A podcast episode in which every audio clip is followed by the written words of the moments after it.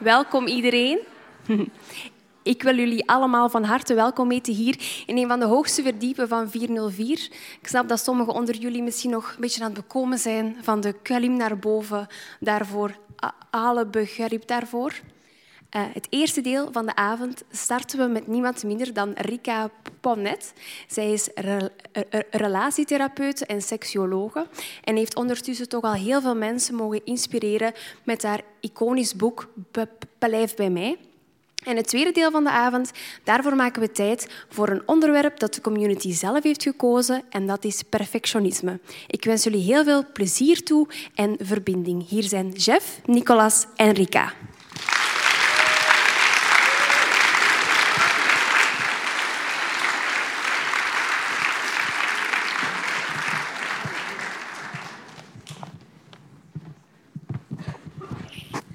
Dank u wel. Hallo allemaal. Is dat mijn? Ja. Ik heb hier al iemand zijn drankje gestolen. Sorry daarvoor. Dat is het mijne. Super, dank u wel. Rika, om hierbij te zijn vandaag. Um, ja. Laat me beginnen met een kleine disclaimer over wat ik niet snel zou doen.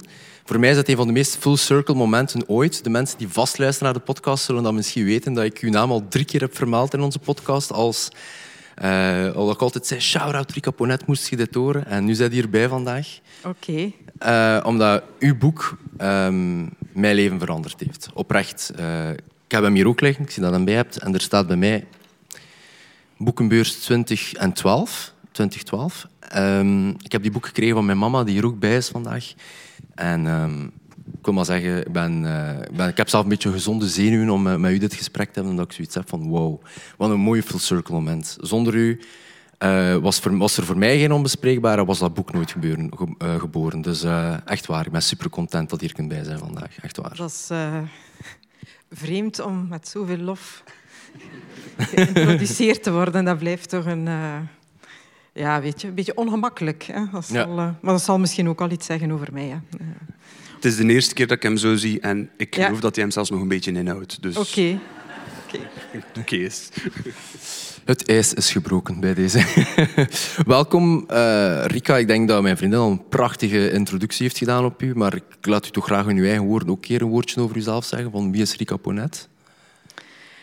Wow, dat is een moeilijke vraag. Hè? Als uh, Friede Lesage dat in Touché vraagt, dan zijn mensen een tijdje bezig, denk ik.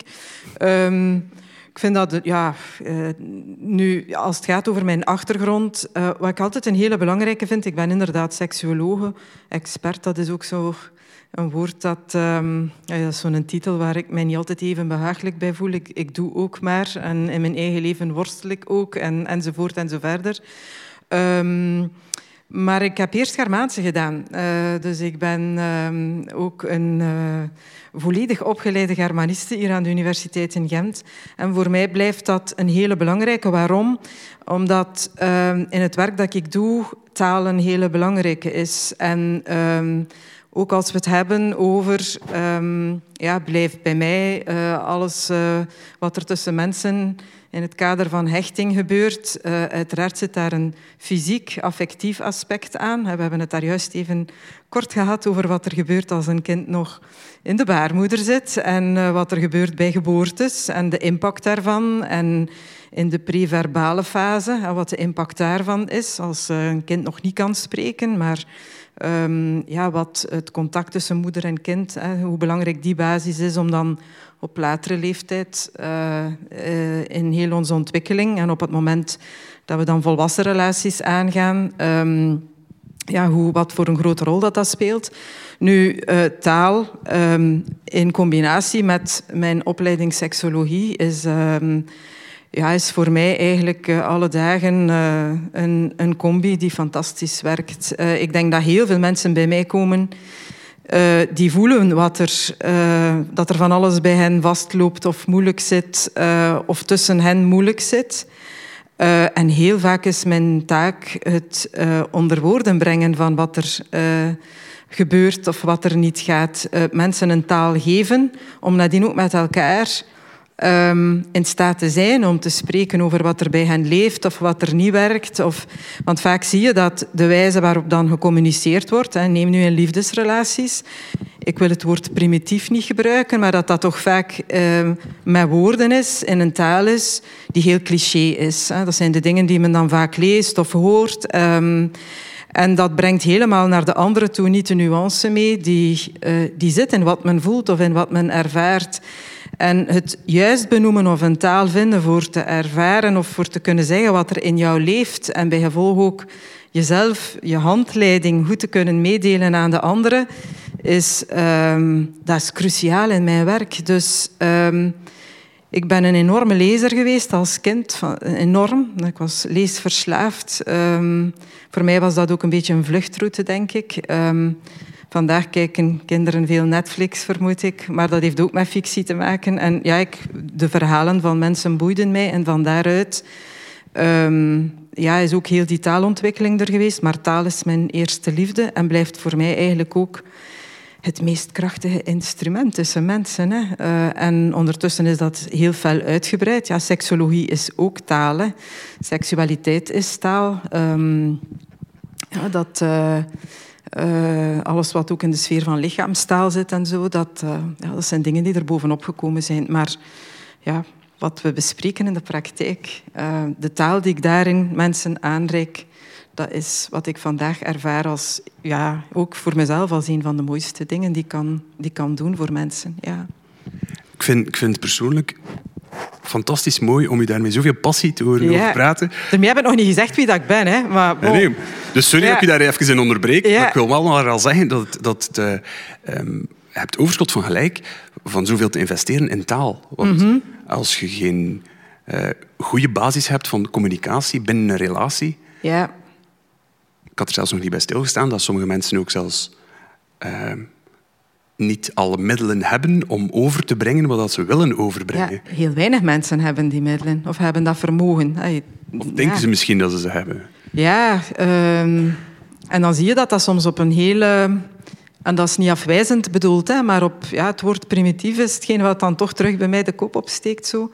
Um, op een, een wat simpele manier is, terwijl wat ze ervaren, wat ze ook bij de anderen ervaren, wat ze missen, dat dat, um, ja, dat dat iets is waar ze woorden voor zoeken. En als je dat dan, uh, ook als ik iemand zie lijden of vast zie lopen, en je kan aan zo iemand een taal geven, uh, waardoor dat die persoon het gevoel... Maar dat is het. Hè. Zoals jij het nu zegt, dat is wat ik voel.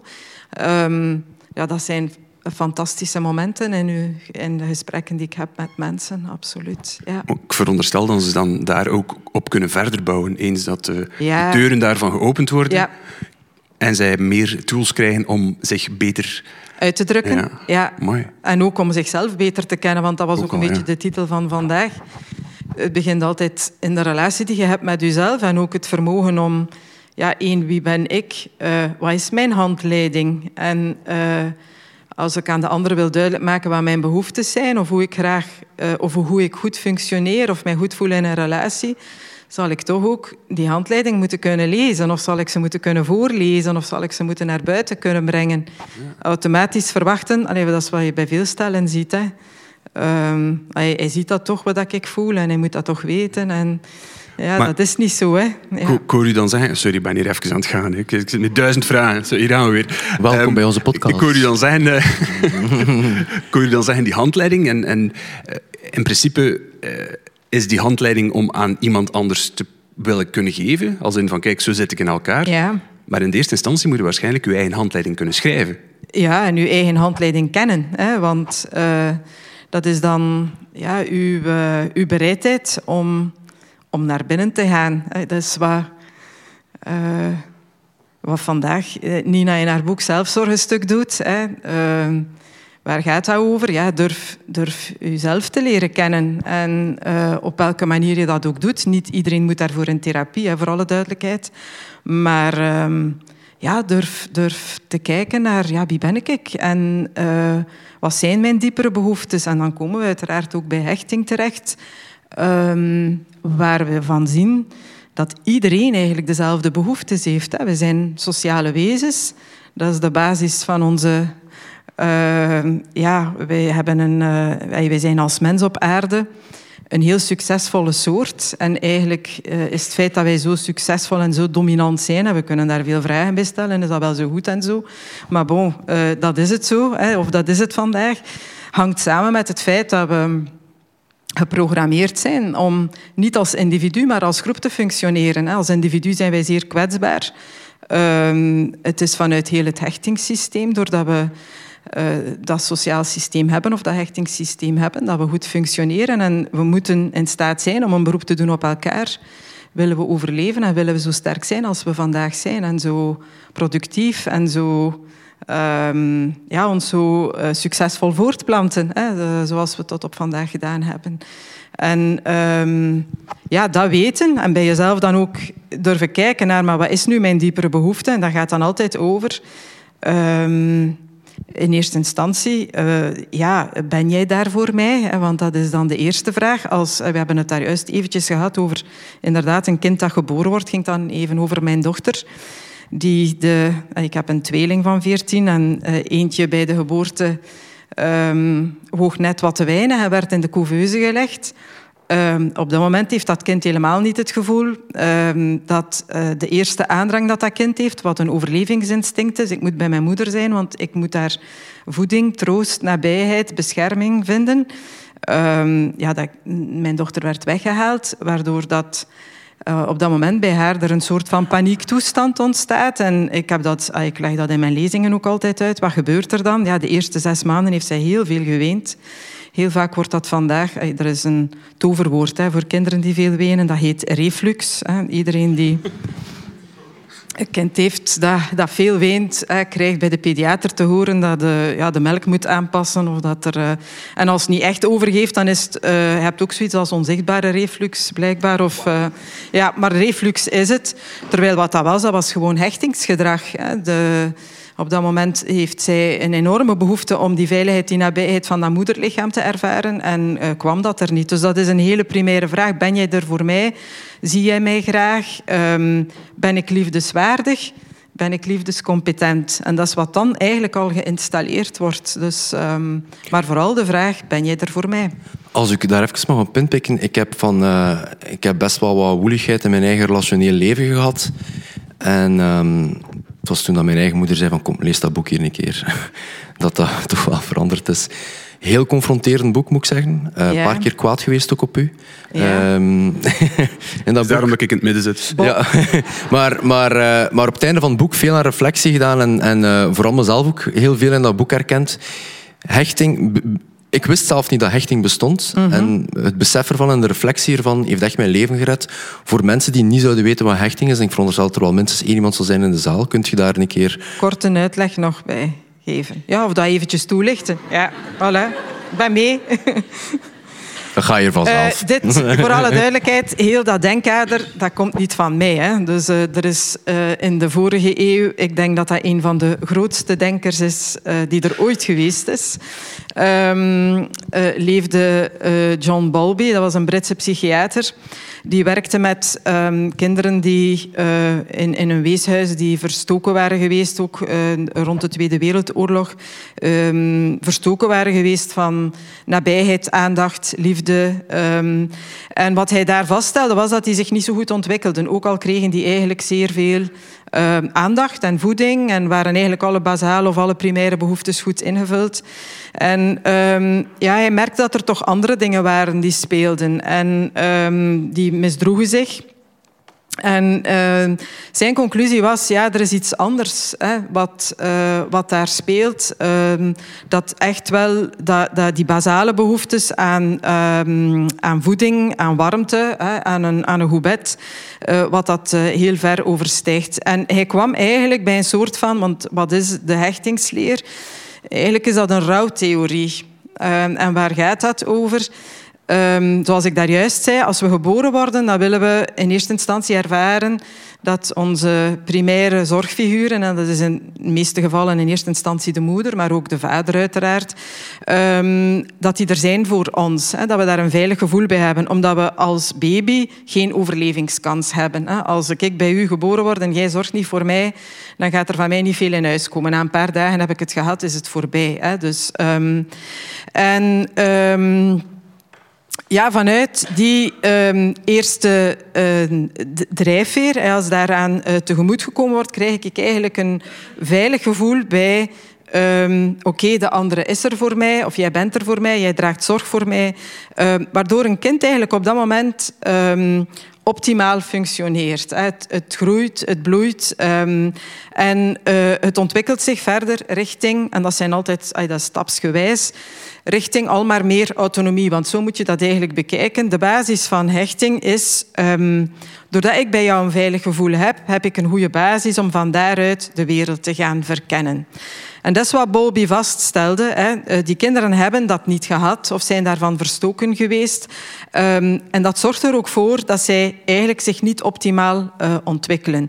Nu, in die tijd was dat revolutionair. Toen werd er gedacht, als een kind zich slecht gedraagt of misdadig gedrag stelt um, of opstandig is, dan is dat een stout kind. En er is één manier om daarmee om te gaan, dat is straffen. Dat is ervoor zorgen uh, ja, dat dat kind terug in de pas loopt. Zijn vaststelling was, nee, dat heeft daar niets mee te maken. Dat kind is opstandig, maar dat um, heeft te maken met het feit dat er aan de behoeftes van dat kind niet tegemoet is gekomen. Dat dat eigenlijk uh, hetgene is uh, wat dat kind op dat moment laat, uh, laat blijken. Um, dus dat is een rouwtheorie. Hè. Wat gebeurt er op het moment dat ik verstoken blijf van de zorg, de nabijheid van anderen? Dan wordt er een, in onze ehm, primaire aandrang om ons te hechten, dat wordt geactiveerd als systeem. Dat is op dat moment, en dat is zo um, in elke omgeving waarin dat we ons onveilig voelen, want daar gaat dat over. Eigenlijk een kind voelt zich niet veilig. En op dat moment um, zijn er twee manieren om daarmee om te gaan. Zeker vanuit het denkkader van hechting is dat zo, maar we zien dat uh, ook in volwassen gedrag. Als wij in een onveilige situatie terechtkomen, heb je ofwel de reactie dat je begint te vechten, dat je uh, je gaat verdedigen. Uh, dat is ook wat een kind doet. Wat doet een baby? Wat is vechten in babytaal? Dat is wenen. Hè. Dat is heel hard u laten horen. Hè. Um, je kunt ook uh, vluchten. Hè. Dat is ook een manier om om te gaan met het feit dat de andere er niet voor u is. Hoe werkt dat dan? Um, in der tijd, toen mijn uh, jongste zus geboren werd, kreeg mijn moeder het advies, dat was ook nogal een wener. Kijk mevrouw, weet je wat jij moet doen? Dat zei dan de pediater. Zoek de verste kamer in uw huis. Zet daar de kleine, doet de deur dicht. Laat ze wenen, ze zal stoppen met wenen. Ja, ze stoppen ook met wenen. Dat wil niet zeggen dat ze niet overstuur zijn. Eigenlijk, uh, wat wil dat zeggen? Dat is heel stresserend voor een baby. Het altijd maar weer laten horen van ja, ik moet u hebben, ik moet u hebben, ik moet u hebben. Uh, er reageert niemand, de deur blijft dicht, de mama komt niet. Wat leert zo'n kind? De andere is er niet voor mij. Ik moet mij dus terugtrekken. Ik moet zorg dragen voor mezelf. En daar wordt eigenlijk de basis gelegd voor ook die hechtingsstijlen dan op latere leeftijd. Want wat leert een kind dan? Ofwel, als de andere er niet echt is zoals ik het wil en ik gedraag mij opstandig en ik roep en ik ween. En uiteindelijk komen ze wel dat dat eigenlijk een goede strategie is. Veel van u laten horen. Wat doen we dan op volwassen leeftijd? Zagen, klagen, ons aanstellen, theatraal zijn. Um, uh, ja, weet ik denk dat iedereen zo wel wat strategieën kent om ervoor te zorgen dat een andere nu toch ziet in de relatie. Um, de andere manier om daarmee om te gaan is u terugtrekken dus, zwijgen. Dat is wat die baby doet. Als we dat aan een kleuter of een peuter die dan schijnbaar perfect blijft spelen, ook als mama weggaat of als mama terugkomt, het doet er precies allemaal niet toe. Dat kind is wel gestresseerd, dat kind wil wel nabijheid, maar heeft eigenlijk afgeleerd van daar uiting aan te geven.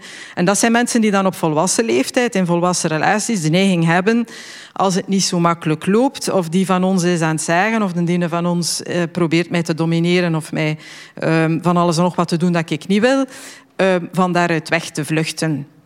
Dus dan ga je ja, wat is zo typisch gedrag? Um, allerlei vermijdingsstrategieën. Hè. Uh, heel veel uren op je koersfiets gaan zitten, um, constant gaan lopen, hè, um, maar ook achter je scherm. Hè. Dat is een hele gekende strategie. maar ook gewoon aanwezig zijn zonder aanwezig te zijn. Hè. Dat zijn dan die mensen waar de partner van zegt, ja, ze is er wel, maar ze is er niet echt. Hè. Ik heb het gevoel, of u heel hard terugplooien op je kinderen, waardoor dat je partner het gevoel heeft heel de tijd eenzaam en alleen te zijn. Dus je ziet daar zo ja, dat je van, vanuit, die basis, uh, vanuit die basishechtingsstrategieën op um, volwassen leeftijd um, op die manier ook uh, u positioneert in relaties. Dus waar start het? Ja, bij onze ouders. Hè. Dat is zo en dat is een hele belangrijke om daar ook naar terug te durven gaan. Niet om te zeggen, ah, want je moeder zit nu in de zaal. Ja, hey, het feit dat ik een slecht liefdesleven heb, maar koop jij mij wel een boek, maar... Um, ik denk dat je misschien beter ook naar jezelf kijkt. Hè. Um, ik ben naar huis. Ja. uh, nee, niet daarom. Want um, uiteindelijk is dat ook iets zeer generationeel. Hè. Um, het feit dat uh, ik opgevoed word ik ben zo heel hard opgevoed in een omgeving waar flink zijn belangrijk was. Niet, niet, niet zeuren, niet trunten. Hè. De, wij zijn thuis met vier. En ja, dat is ik, ben, ik ga dat niet omschrijven als omgeving. Mijn ouders waren er voor ons. Dat waren heel zorgzame ouders. Maar als het gaat over emotionele noden, en ik denk dat veel mensen van mijn generatie, maar ook veel jongere generaties, dat zeker zo ervaren hebben.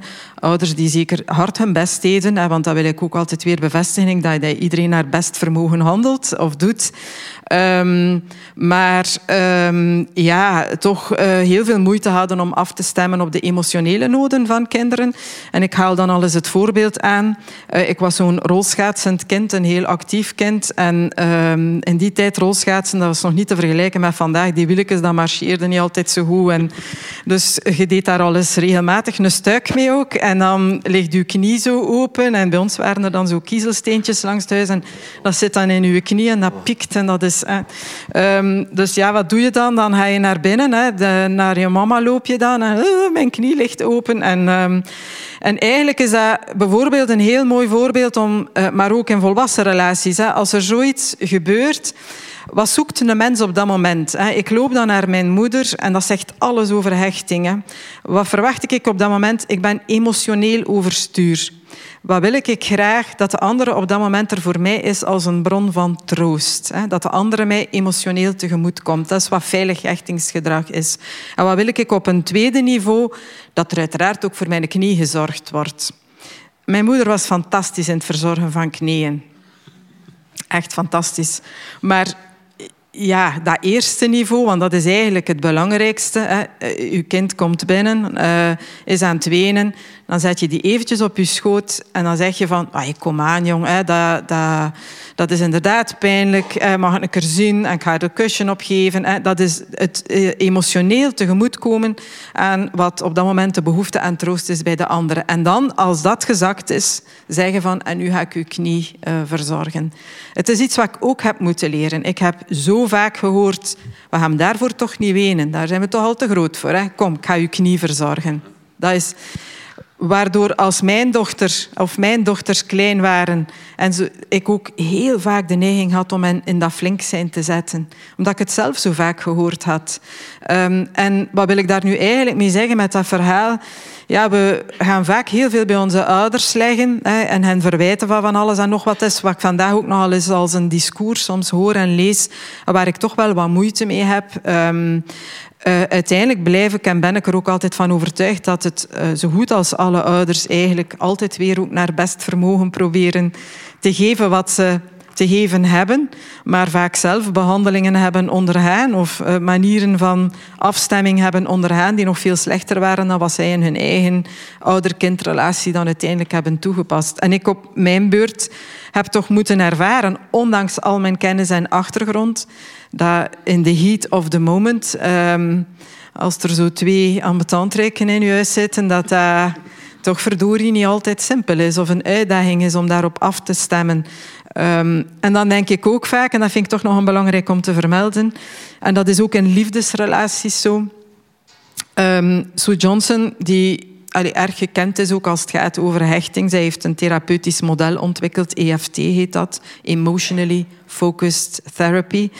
Um, zegt dan altijd, uh, verwijzend naar onderzoek, als je eigenlijk in uw afstemming op de anderen, maar ook op kinderen, ongeveer 30% van de tijd, en dat maakt het heel concreet, um, aanwezig bent of afstemt, dan kan je eigenlijk spreken van veilige hechting. 30 procent, dat is niet zo gigantisch veel. Hè. Dat wil zeggen, als uw lief thuis komt en ze is overstuur, dat je uiteraard niet 100 procent van de tijd... Dat, is ook, dat gaat ook niet. We zijn ook allemaal maar mensen. Hetzelfde met uw kinderen. Uh, dus als we ongeveer die 30 procent halen, dat dat, uh, dat, dat eigenlijk uh, al, al een stevige basis is om mee verder te gaan. Ik verschiet er een beetje van dat maar 30 procent is en het is oké. Okay. Ja, het is niet dat ik zeg dat het ja. bare minimum goed is. Ja, maar, maar ehm, als je dan eens echt goed nadenkt, ja, wanneer was ik er echt? En mijn echt is dan ook niet op mijn gsm bezig, niet aan het kijken of mijn patat niet aan het aanbranden zijn, niet, ik bedoel, uh, niet aan het denken van ja, ik moet nog mijn strijk doen of de zwemzakken moeten nog uitgeladen worden of... Uh, ja, we hebben nog... Uh, ja, ja, het is juist, mijn, uh, mijn fietsband staat plat en morgen gaan we gaan rijden met de maat. En ik bedoel, dat soort dingen. Hè. Um, aanwezig aanwezig zijn, hè. dat is niet zo'n makkelijke, denk ik. Voor die 30 procent moet er wel 100 procent zijn. Uh, oh, dat weet ik niet. Ja, ja, daar wordt ook vaak een stuk wel. Hè. Uh, er wordt nu vaak verwezen naar quality time. Ik geloof niet in kwaliteit van tijd als er geen kwantiteit is. Uh, ik denk dat je um, om tot quality time te komen, uh, dat je tijd samen moet doorbrengen en dat er ook veel niet benutte tijd is. Hè, of veel tijd is ja, waarin dat we maar wat aan het aanmodderen zijn of aan het prullen of aan het prutsen of afwezig zijn. Um, ja, je doet het niet met een paar uur per week. Ook niet in liefdesrelaties. Hè, want um, dat zei dan weer een uh, andere opleider van mij. Als een koppel bij mij komt, zei hij altijd, um, en die zeggen van oké, we hebben eigenlijk alleen maar onze zondagnamiddag. Uh, dat dan, en dan hebben we een uur of twee dat we quality time met elkaar kunnen doorbrengen. Dan was het advies van um, misschien in eerste instantie een keer tijdens die twee uur kijken hoe dat we van die twee uur wat meer uren kunnen maken. Hè. Um, ja, ik, heb dat, ik zie dat ook vaak bij stellen. Hè. Als ik vraag van, um, oké, um, wat is het belangrijkste in uw leven? En dan zeggen heel veel mensen mijn liefdesrelatie. Hè. Denk, als we zien waar we het meest aan lijden, waar we het meest mee bezig zijn, kijk, heel de zaal zit vol, dat is altijd weer met, met, uh, met dat aspect van ons leven. En als je dan vraagt van ja, maak nu een keer een weekplanning op en duid daar eens aan ja, hoeveel tijd je effectief bezig geweest bent met dat allerbelangrijkste in je leven dan valt dat soms wel wat tegen. Ja, dan zie je dat, dat, um, dat het, het besef... En pas op, het is ook geen verwijt. Hè. We leven in een tijd waarin dat heel veel dingen onze aandacht opeisen.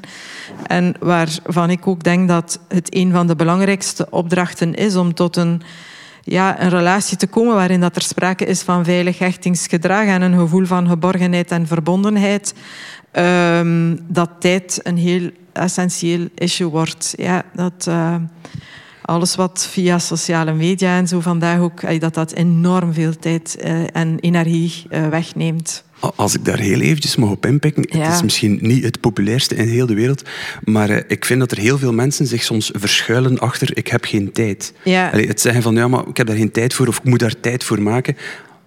Persoonlijk, als ik kijk naar de, de, de paar mensen die echt belangrijk zijn voor mij, voor mij gaat het over prioriteit en niet tijd. Mm -hmm. als, als het belangrijk genoeg is, gaat het wel ja. geknutseld wel. Daarvoor is het niet altijd even gemakkelijk en daarvoor, daarvoor is het ook niet altijd even perfect, bij wijze van spreken. Maar het, het geen tijd hebben mag niet in de weg staan van toch uw intentie duidelijk maken, denk ik dan. Ja. Nee? Ja, en... Um... ook dat heeft weer met, met hechtingsgedrag te maken. Hè. Uh, het feit dat je dat inroept als argument, ik heb geen tijd, hey, dan zie je dan vaker ook een wat vermijdende hechtingsstrategie onder zitten. En um, niet dat ik dat met pek en veren wil beladen, daar gaat dat ook helemaal niet over. Eigenlijk zie je dan dat mensen heel vaak ook in, um, als ik met koppels bezig ben, ehm, heel vaak denken in ik- en jij-termen. Uh, uh, wat zit erin voor mij in de relatie? Hè? ja, maar als ik dat, dat doe, wat staat daar dan tegenover van uw kant? Um, en als ik zie dat mensen een, een goed lopende relatie hebben waarin dat ze allebei wat er in die relatie gebeurt als heel bevredigend ervaren, ook een, een seksualiteit hebben waarin dat ze um, een grote voldoening of waar ze een grote voldoening uithalen, dan zie je altijd weer dat mensen eigenlijk um, niet vanuit dat ik-jij-perspectief denken, uh, maar veel meer met dat wij-perspectief bezig zijn. Veel meer met um, wat is goed voor de relatie? En ik stel dat vaak ook voor, omdat mensen die daarin vastlopen dat niet altijd even makkelijk zien. De wij als een, eigenlijk een derde element. In, in, um, alsof dat, dat een derde entiteit is. Hè. Als mensen bij mij op gesprek komen met z'n tweeën, dan stel dat jullie als koppel bij mij langskomen, dat daar eigenlijk de relatie staat. En wat jij doet voor de relatie komt ook terug naar jou. Hè? Uh, terwijl meestal als koppels komen is, om, is, het omdat er al van alles en nog wat niet zo goed loopt. En is altijd, ja, maar jij dit. En zie je altijd dat dat een uh, ik-jij-spel is. Hè? Terwijl dat daar, daar zit eigenlijk de uitdaging van wat ik daarin investeer, dat komt hem ten goede, maar ook mij. Want als hij content is, dan dan, ja, dan word ik ook meer gewaardeerd en dan, dan werkt het ook voor mij beter. En dan heb ik ook meer zin om er tijd in te steken, want daar wil ik naartoe gaan. Ja, waarom wil je er geen tijd in steken? Omdat je het gevoel hebt, je kan leukere dingen doen dan op mijn zaag te luisteren. hè? Dus, um... Maar daar ben ik het volledig mee eens, omdat de, uh, elke goede relatie die ik heb, ja, dat is geen ruilhandel. Hè. Nee. Dus ja. daarom, ik volg dan letterlijk de relatie die ik ook met hem heb. Dat is geen ruilhandel. Hè. We doen dat voor de greater good van hoe wij samen sterk zijn. Juist? Dat is ook in vriendschappen zo. Hè? Want dit is nu erg gefocust op liefdesrelaties. Maar eigenlijk kan je dat model... Um, want ik heb een vervolgboek daarop geschreven, wat ik persoonlijk minstens zo belangrijk vond, omdat Weet je, in Blijf bij mij wordt heel duidelijk dat hechtingskader uitgelegd. Um, en ik zei het daar juist ook al even.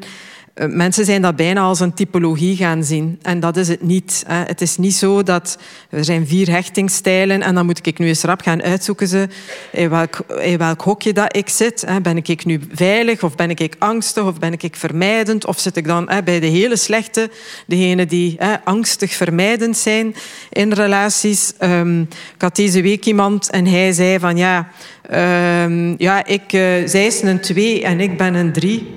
Wat gebeurt er hierin? Het was een belangrijk punt. Ja. um, zij is een twee en ik ben een drie. Hè. Dat is zo... Ja, dan, allee, dan... Dat doet een beetje pijn als ik dat hoor. Um, omdat dat bijna een etiket is. Hè. Zij is angstig en ik ben vermijdend. Terwijl, ja, we hebben die basis hechtingsstrategie, om het dan nog eens over mezelf te hebben. Ja, bij ons thuis, de wijze waarop wij opgevoed werden, heeft er zeker voor gezorgd dat ik toch wel eerder wat te trekken van de vermijdende ontwikkeld heb in de loop der tijd. Omdat met mijn behoeftes aan troost en nabijheid naar buiten komen, dat dat niet zo uh, geapprecieerd werd. En als kind wil je, en ook in je volwassen relaties, wil je vooral gevalideerd worden. Je wilt het gevoel hebben, bij hoe bezig, ik word graag gezien. Ik ben liefdescompetent en liefdeswaardig. Um, en dan was eigenlijk de niet uitgesproken boodschap, dan mag je vooral niet lastig zijn. Als je flink bent en je studeert goed en je doet hard je best, uh, dan zien wij u graag. Dan zijn jij goed bezig. En... Um, en dat is subtiel, hè? maar als je heel vaak dat soort van boodschap krijgt, dan ga je dat ook internaliseren. En word je volwassen en dan toon je nog één kant van jezelf en dat is de sterke kant. Uh, um, ik, ik kan het, ik doe het, ik zal het doen, ik, ik zaag daar niet over.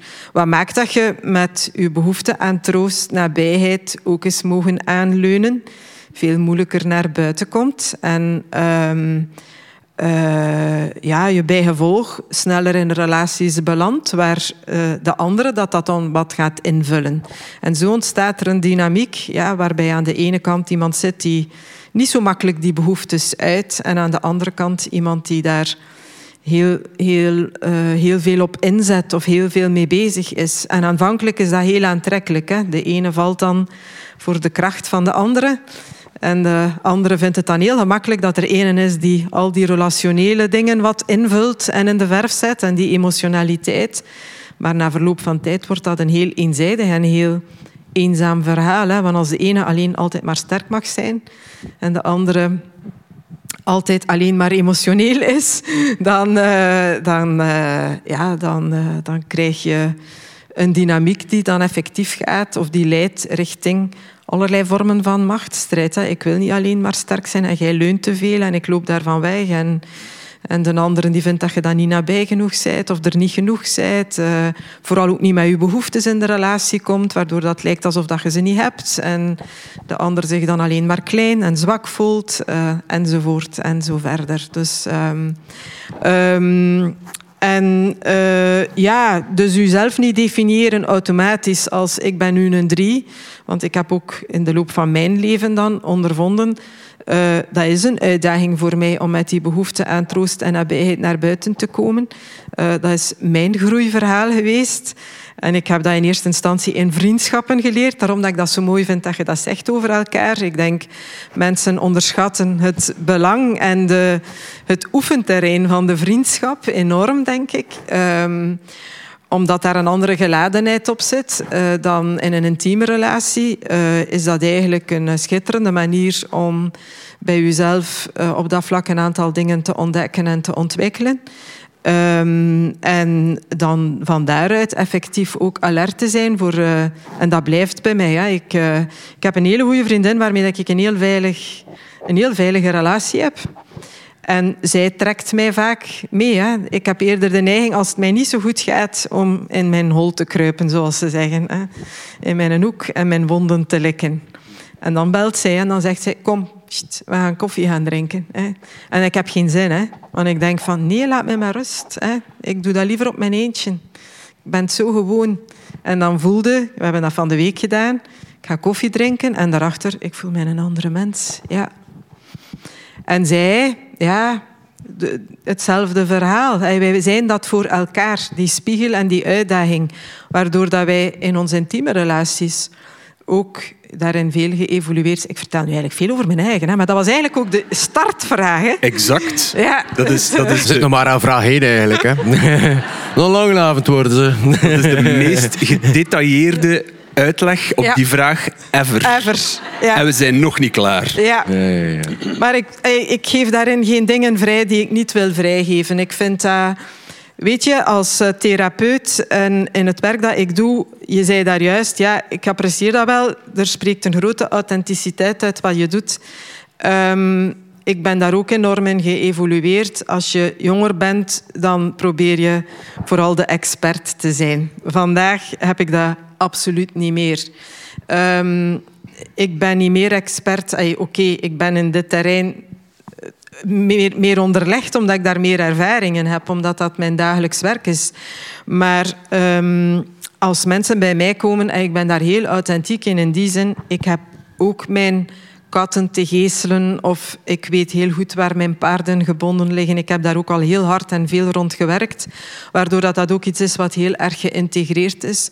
Maar ik ben mijn werkinstrument. Als er bij mij mensen komen en de dingen waar ik zelf op vastloop of waarmee ik zelf niet in het reinen ben of ehm, die ik voor mezelf nog moeilijk vind om naar buiten te brengen, dat gaat ook altijd eh, de grens zijn in mijn contact of in mijn werk met mensen. Dus in die zin is dat superbelangrijk. Ehm, ook in uw relatie. Veel mensen zeggen van ik heb de foute partner gekozen. Eh, ik zeg altijd, dat is niet de fouten. Dat is degene die op dat moment in uw leven paste bij waar jij stond of staat. Mensen vinden dat vaak heel hard, heel confronterend, maar zo is dat.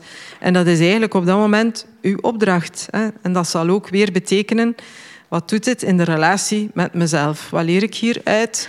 Ehm niet dat ik iedereen alle ellende toewens die in relaties gebeurt. Hè. Laat dat duidelijk zijn. Maar dat is altijd de interessantste oefening. Vandaag krijg ik enorm veel mensen langs die... Ze zijn vandaag allemaal met een narcist samen geweest. Ja. En ik onderken niet het probleem van wat narcisme doet in relaties. Wat...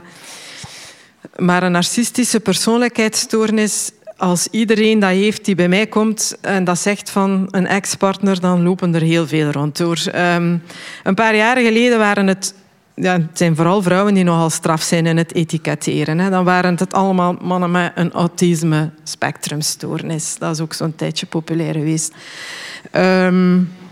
Dat, dat is niet zo. Het interessante is dan ook altijd weer van oké, dat kan wel zijn. En dan krijg ik een hele grote uitleg over wat een ander allemaal niet deed, te veel deed, had moeten doen enzovoort in de relatie. Ik laat mensen dat ook allemaal uitgebreid vertellen. Ik vind dat ook um, belangrijk dat dat kan gezegd en verteld worden. Maar dan is de volgende vraag altijd weer, en wat zegt dat nu over het feit dat jij daarvoor gekozen hebt, dat jij daar ingestapt bent. En niet jij hebt iets fout gedaan, maar wel hoe kwam hij of hoe kwam zij op dat moment tegemoet aan jouw behoeftes? Hè? Of uh, wat ging jij op dat moment nog uit de weg en wat heeft jou dat ondertussen vandaag uh, geleerd? En dat, dat vind ik altijd absoluut de interessantere manier om met elk van uw partnerkeuzes om te gaan. Ik zie dat ook als een schakelsysteem.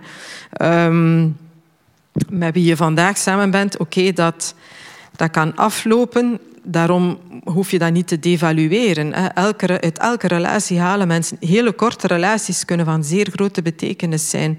Vandaag belde mijn journalist van het laatste nieuws. Er zijn nieuwe statistieken. Ja, zegt ze, en het is goed nieuws. Zeg hij ja. Ja, zegt ze, de huwelijken duren weer langer. zeg, ja, zeg, dat kan zijn hè, dat de, het Nationaal Instituut voor Statistiek dat laten weten heeft. Het is nu 16 in plaats van 14 jaar. Zeg, maar waarom verbinden daar direct het woord goed aan? Hè? Um, wat zegt ons dat over de kwaliteit van die huwelijken? Niks. Hè? Sinds wanneer is iets wat lang duurt ook goed?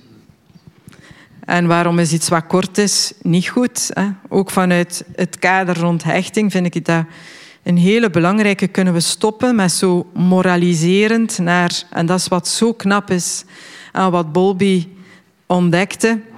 Dit is wie we zijn als mens. Hè? Daar gaat dat over. En alles wat we daarin doen, wat relaties aanbelangt, primaire relaties, belangrijke levensrelaties, dat wordt heel sterk vanuit dat systeem gestuurd. Uh, we moeten dat niet valideren, we moeten dat niet devalueren. Dit is wie we zijn. Hè. Kunnen we er op zo'n manier naar kijken en wegblijven van uh, ben gescheiden, dat is een faling. Uh, ik moet me schuldig voelen. Uh, nog altijd vandaag blijven heel veel mensen zeggen... ja, ze gaan voor niets uit elkaar. Enfin, ja, die journalist ook, het is goed nieuws. we blijven 16 jaar samen. Ja, ik heb dan ook gezegd van huwelijken of huwelijkscijfers... dat heeft niet veel betekenis meer. Merendeel van de mensen vandaag woont samen. Dat zit nergens in statistieken. We weten eigenlijk niet wat de gemiddelde Vlaming doet in zijn relatie. Oké, okay, ze heeft dat dan allemaal wel meegenomen, maar... Um, nog maar eens, je ziet zo die insteek. Ah, we blijven langer bij elkaar. Joepie, goed nieuws. Hè? De huwelijken blijven duren. Um, nog altijd mogen vandaag, als je 50 jaar getrouwd bent, naar het stadhuis, denk ik. Een, uh, ik weet dat niet, een servies of een beker. Ik weet niet wat ze vandaag delen. je krijgt een, een prijs omdat je het volhouden hebt. Wat blieft, dat je het volhouden. Ja. Dan denk ik altijd van, ah ja, als ik zo'n foto zie ook... Mensen kunnen elkaar 50 jaar heel gelukkig gemaakt hebben... Maar verdorie, ik ken er ook veel die de hel zijn voor elkaar. Hè, waar dat het huwelijk van Willem Elschot, dat is zo'n heel gekend gedicht, ehm, heel erg van toepassing is. Hè, waarbij dat je eigenlijk op elkaar zit te loeren en denkt, stierf de andere maar. Hè. Ja. Ehm, ja, en als variatie daarop, hoeveel mensen hebben geen fantasieën over, kwam de andere maar niet naar huis vanavond. Hè? Nou hoefde ik geen keuze te maken of moest ik er niet uit. Of... Um, ja, ik uh, vind, vind het moeilijk dat, uh, dat die moraliteit uh, nog altijd zo, zo dwingt. En we daardoor ook zo negatief naar onszelf kijken. Um, ik had deze week ook een man en die zei in de 70. En die kwam eigenlijk, komen vandaag veel mensen bij mij om gewoon bevestigd te krijgen. Maar jij bent goed, hè? Jij bent wel in staat om graag te zien, of jij bent wel de moeite om graag gezien te worden, om hen eigenlijk toe te lichten ja, waar het in hechting over gaat. En dat ze daarin zich heel menselijk en heel oké gedragen. En hij was al 16 jaar samen. Nu gaat het bij mij in de praktijk heel vaak over seks de laatste jaren. Dat is misschien ook omdat dat, ik bij mezelf merk dat het thema bespreekbaarder is, ook voor mij. Uh, zo werkt het ook. Ja, je trekt altijd de cliënten aan tot waar dat je zelf kunt gaan. Um, ja, zegt hij, mijn partner heeft 16 jaar geleden kanker gekregen en uh, ik ben sindsdien mantelzorger. En uh, ja, wij hebben eigenlijk een heel goed contact en zo. En ik zag hem dan zo beginnen van ja, ik mis eigenlijk al heel lang dat onderdeel van hechting in een intieme relatie. En dat is seksualiteit. En zegt hij ja, um, zij geeft dan aan dat dat wel mag, maar ik voel dat ze dat eigenlijk niet meer wil. En dan heb ik als man het gevoel dat ik iets afdwing dat toch ook niet meer zo plezant is. En ik wil dat niet. En um, op een bepaald moment zei ik, maar jij zei zo'n brave, goede man. En die man begon te wenen. En hij zag dat ik ook emotioneel werd. En dat raakte hem dan nog dieper, denk ik. Maar dat raakte mij enorm. Omdat hij, die had een enorm schuldgevoel over het feit dat hij dat mist. Het was alsof dat hij afbreuk deed aan wat hij had met zijn partner. Um, ja, dat vind ik um, van, van zo'n schoonheid, dat ik dat dan in een taal kan gieten en dat ik zo iemand dan kan bevestigen in het feit, ook opnieuw vanuit dat kader. Hè. Uh, jij bent liefdescompetent hè, en eigenlijk ook liefdeswaardig en dat jij een behoefte hebt aan intimiteit, aan fysieke nabijheid, dat is een gerechtvaardigde behoefte. Uh, als je dat vanuit moraliteit bekijkt en zo'n man zou bijvoorbeeld een tweede relatie beginnen, omdat dat een enorm... Want daar waren ze eigenlijk mee bezig. Hè. De vraag leefde... Zij wou hem dat wel toestaan, maar had wel schrik als ze dat deed, dat het misschien helemaal eh, fout ging gaan. Um, maar ik vond het op zich al heel waardevol dat ze bereid waren om daarover te praten. Ze zegt al heel veel over hoe veilig die relatie is. Hè. Het feit, ook dat is zo'n heel belangrijk thema vandaag. Hè. Wat doen we als we het nog heel goed hebben met elkaar, maar het op seksueel vlak niet meer marcheert of niet gaat, of we daarin niet elkaar kunnen tegemoetkomen, of dat gaat gewoon niet meer. Zoals in hun verhaal. Moeten anderen dan verder doen zoals de moraal het voorschrijft? Of durven we daar andere gesprekken over aan te gaan? Ik voer geen enkel pleidooi hè, voor niets, hè, voor alle duidelijkheid, maar wel voor de bespreekbaarheid van al die dingen, omdat dat ja, uh, als ik zie wat voor lijden dat daar dan mee gepaard gaat en hoe mensen dan worstelen met zichzelf omwille van het feit dat ze die behoeftes hebben, die nogmaals hechtingsbehoeftes zijn. Uh, ik ben altijd blij dat ik daar dan iemand kan in. Je ziet die mensen ook vaak met. Het is alsof dat, ze, dat er 20 kilo van hun schouders is als ze buiten gaan. Echt waar. En daarom is het niet opgelost. Hè. Daar gaat het niet over. Maar wel wat ik voel, ervaar, wat ik verlang ik mag dat valideren. Dat klopt, dat is juist. Ik mag verlangen naar graag gezien worden in mijn totaliteit. Als mens, als man, in mijn seksualiteit. Um, dat soort gesprek. Ik vind dat fantastisch. Je hebt daar een paar vragen gesteld op het einde waar we allemaal een keer over kunnen reflecteren. Grappig ook is dat, uh, dat we bij vraag 1 al een beetje aan het einde van onze slot zitten. Okay. Wat ik wel de max vind. Um, we gaan het een beetje moeten afronden voor onze timings in de gaten te houden. Maar ik, had, uh, ik wou je toch graag nog één laatste vraag stellen. Als er nu mensen zijn in de zaal of, of die nadien de podcast luisteren, goed in het algemeen, die um, in zichzelf zonder een etiket herkennen dat ze vermijdend gedrag vertonen, mhm. angstig gedrag vertonen, welk gedrag dan ook eigenlijk. Wat kunnen ze doen, behalve nu een boek lezen? De, de sleutel, eh, want dat, dat ben ik misschien te vergeten te zeggen, dat is eigenlijk een hele essentiële. Stel dat je effectief in een relatie zit, je wil daar niet uit, dat je merkt, ik ben de vermijder van dienst en een andere, en het is ook niet gendergerelateerd. Voor alle duidelijkheid, het is niet omdat jij man bent dat je vermijder bent en ik per definitie als vrouw angstig.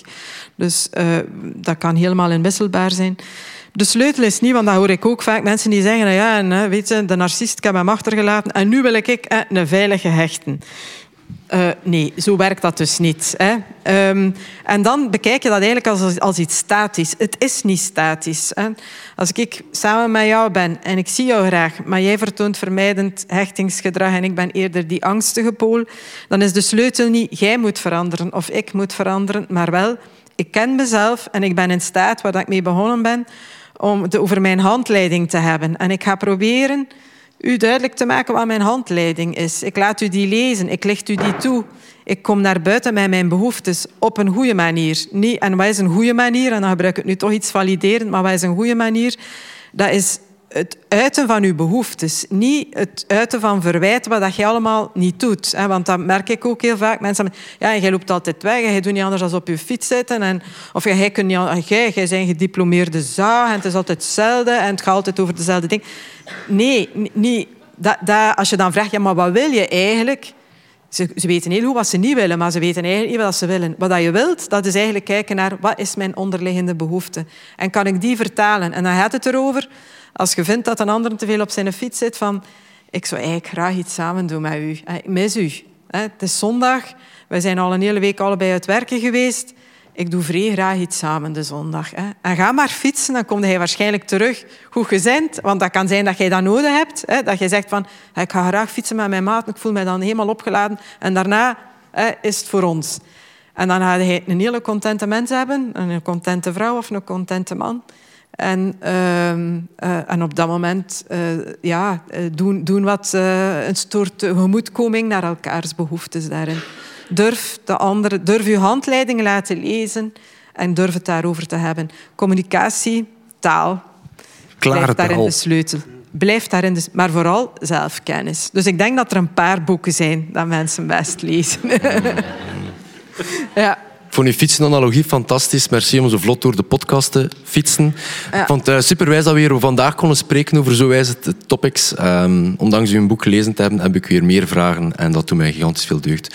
Dank u wel vandaag om erbij te zijn. Ja, ik hoop dat het met uw mama nog goed komt. Hè. Contact. Ja. Ze zit daar, je kunt straks een keer... Uh, voilà, kijk, ze zwaait. Knu dus, uh, maar kijk, ze zwaait, dus, dus ik denk dat dat ja. wel nog goed gaat komen. Een knuffel, ja, een knuffel gaat dat goed maken. Voilà, voilà. Tegemoet komen aan elkaar. Voilà. Super, merci Rika Panet. Geef ze een fantastisch applaus.